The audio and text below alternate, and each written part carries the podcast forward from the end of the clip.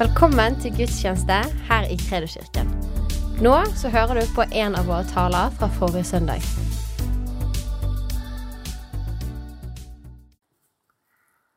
så var det jo da sant, borgerkrig, nordstatene, sørstatene, og så ble etter hvert eh, lovverket endra slik at det var forbudt med å holde slaver. Juridisk lovverk. Men det som skjedde, det var veldig mange som var slaver, selv om de var blitt satt fri, så fortsetter de å jobbe på bomullsfarmen for en luselønn hele systemet fortsatte. For at de frigjorte slavene klarte ikke å omstille seg fra det at nå kan jeg faktisk velge sjøl. Men man var bundet til slaveeieren, til at han skulle gi dem mat og det lille klær. Han hadde et lite hytte for dem. Og de klarte ikke å tenke utenfor den verden. Så det ble en lang, lang prosess for mange familier å komme ut av slavementaliteten og slavelivet.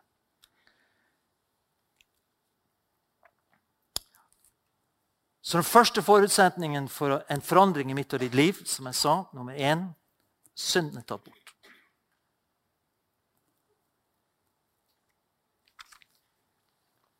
Nummer to Guds nåde forandrer meg og det ved at den også tar bort skyld. Og med skyld har vi begrep som skam, fordømmelse og anklage. Det står det i Kolossebrevet 2,14 at gjeldsbrevet eller skyldsbrevet som gikk imot oss pga. lovens bud, strøk han ut og tok det bort ved å nagle det til korset. Så hør, folkens. Når Jesus tok synden bort. Han sletter den ut for den som er i Kristus Jesus. Hvor kommer skylden fra? Skylden kommer på grunnlag av synden. Da er du skyldig. Hvis du synder, så er du skyldig. Men når Jesus tar bort synden, så forsvinner skylden, anklagen, imot oss. Og disse to tingene er en forutsetning for at Guds nåde skal kunne virke i mitt og ditt liv, slik at vi lever annerledes, at vi går bort ifra ugudelighet, at vi går bort ifra urettferdighet, og at denne forvandlingen skjer fra innsiden av oss og ut.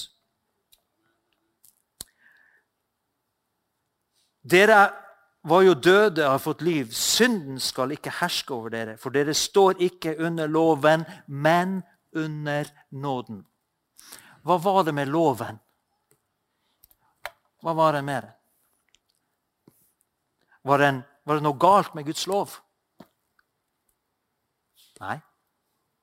Loven var god, står det.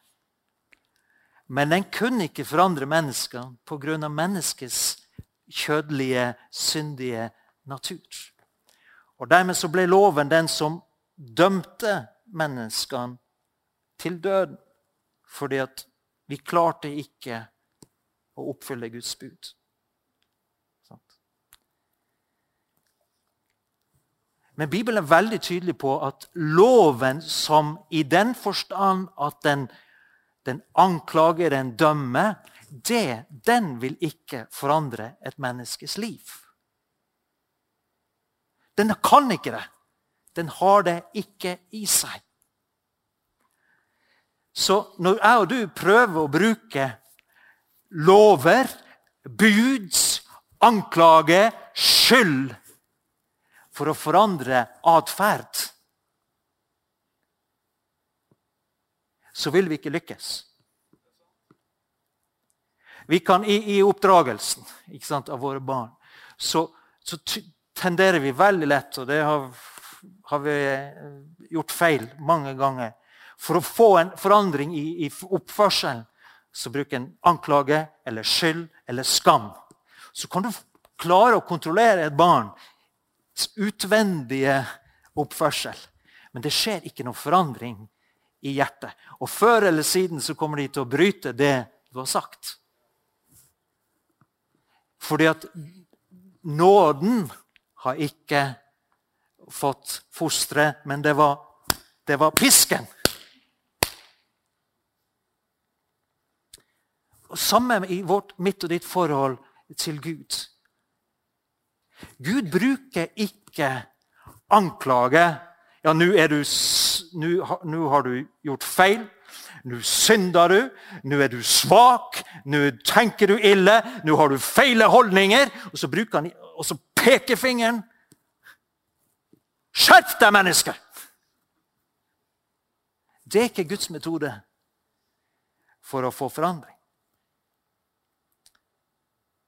Men det står at nåden fostrer oss. Det er noe med Guds vesen, Guds godhet, Guds barmhjertighet, Guds fasthet. Han setter grensene.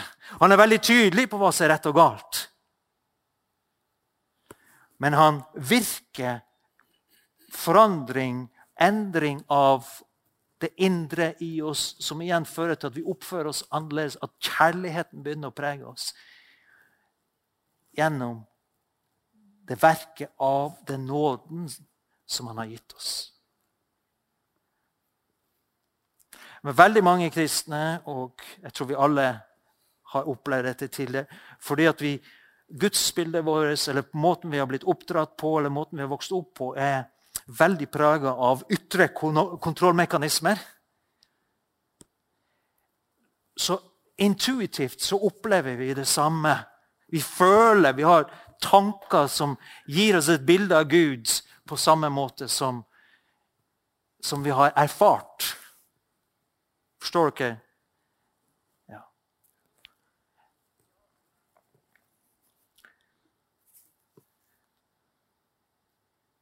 Det hjelper heller ikke med sjølanklage.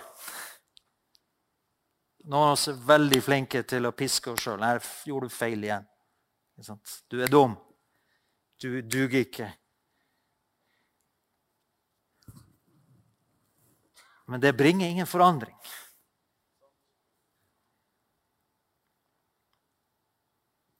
Men det som er at når jeg og du er ikke under loven, men vi er under nåden, så blir hele Bibelen til hjelp for oss. For det står det at hele Skriften er innblåst av Gud. Den er nyttig til å hjelpe oss, veilede oss, oppdra oss.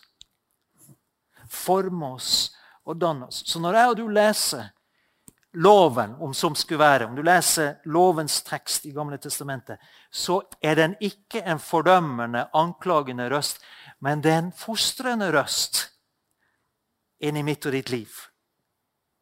Den er ikke der for å dømme oss eller anklage oss. Den er for å forme og danne og korrigere og justere og mette og nære ved Guds nåde Dermed så blir hele Skriften nåde for oss som er i Kristus Jesus. Det er en himmelvid forskjell. Derfor vi trenger ikke å være redd for noen deler av Bibelen. Når vi skjønner at vi er i nåden. Det er alt dette til hjelp for oss.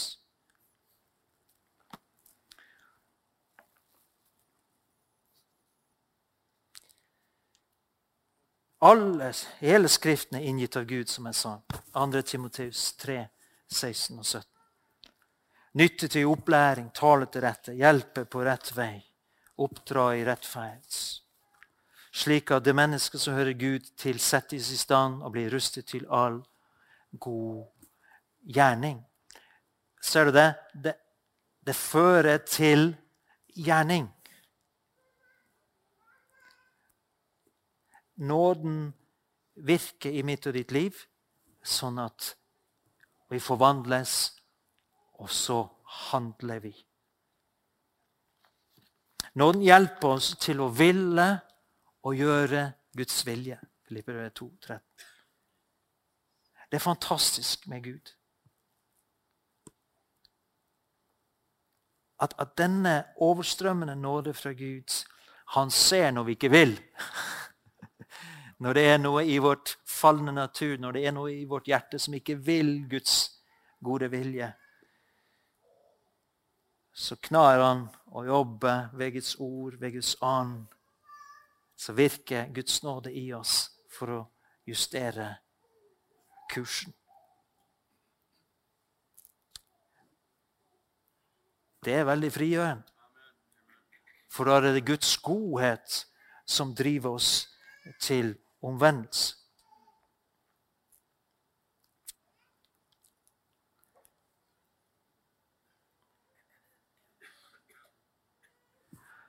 Nåden gir oss også kraft.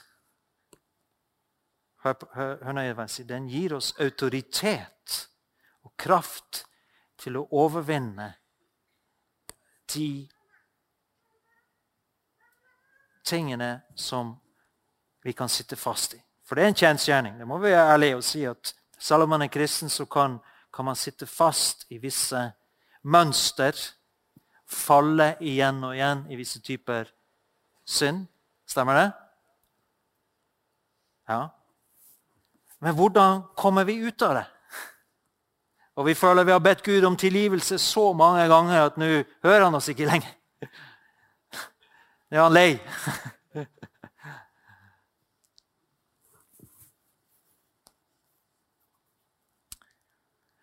Kanskje bare så den tanken, kanskje du har prøvd å vinne over denne synden eller dette mønsteret i livet ditt ved å bruke pisken. Ved å bruke anklage, skyld, skam. Så tror du at det skal gjøre at det slipper taket. Bare jeg anklager meg nok, så til slutt så skjemmes jeg så mye at jeg slutter. Men det er noe med, med, med kraften i synd som gjør at vi, vi klarer det ikke i oss sjøl. Og vi klarer det ikke ved ved anklage. Og Ytterst sett så er det djevelen som er vår anklage. Hvem kan anklage den Gud har utvalgt? Ikke sant?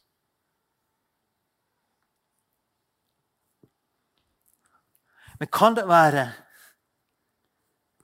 at det er et område her hvor jeg trenger å slippe til Guds lys? Å slippe til Guds nåde? kraft. Kan det være at det er områder i mitt sjelsliv som er prega av bitterhet, av skuffelse, av hat?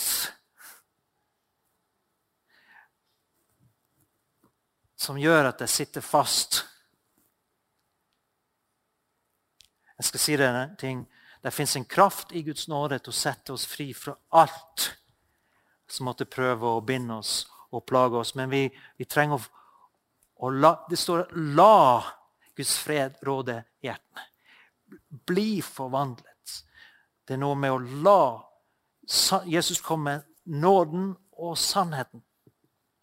Først nåden, så sannheten.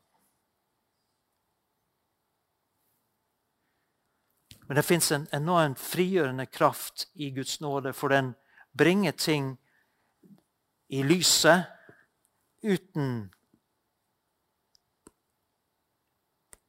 anklagens røst.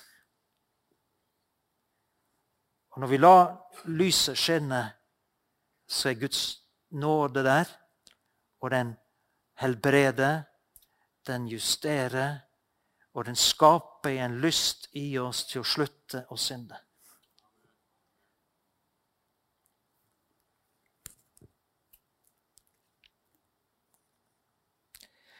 Nåden gir oss autoritet, står det i Romerbrevet 5, 17.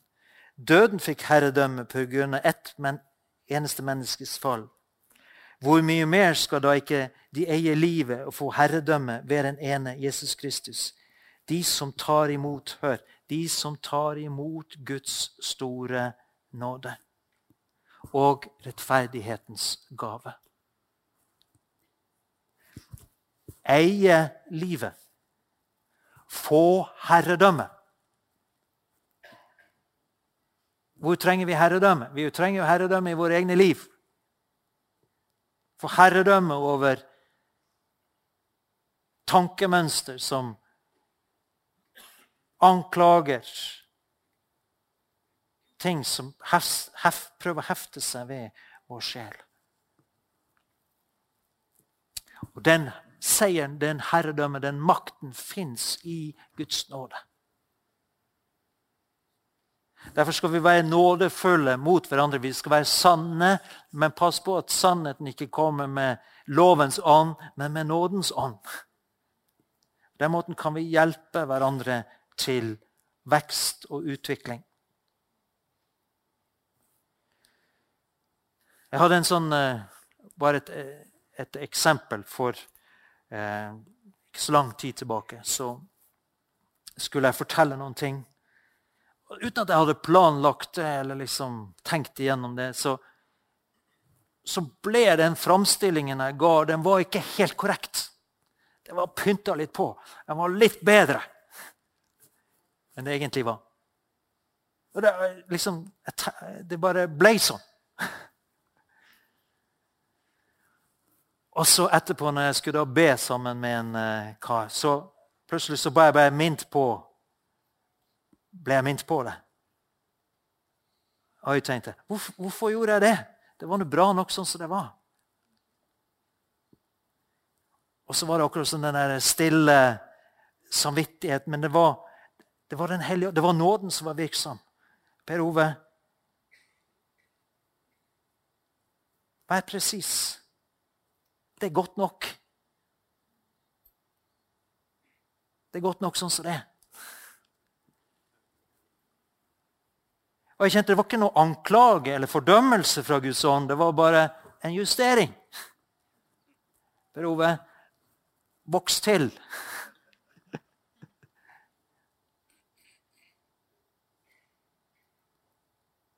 Sånn virker nåden. i oss. Og Da sa jeg til denne kameraten min at eh, sånn og sånn. Gikk ikke i detalj. Men han sa ja, har du også opplevd det? Jeg skjønner ikke hvorfor det er sånn. Hvorfor vi av og til prøver å framstille litt bedre eller litt annerledes enn kanskje det.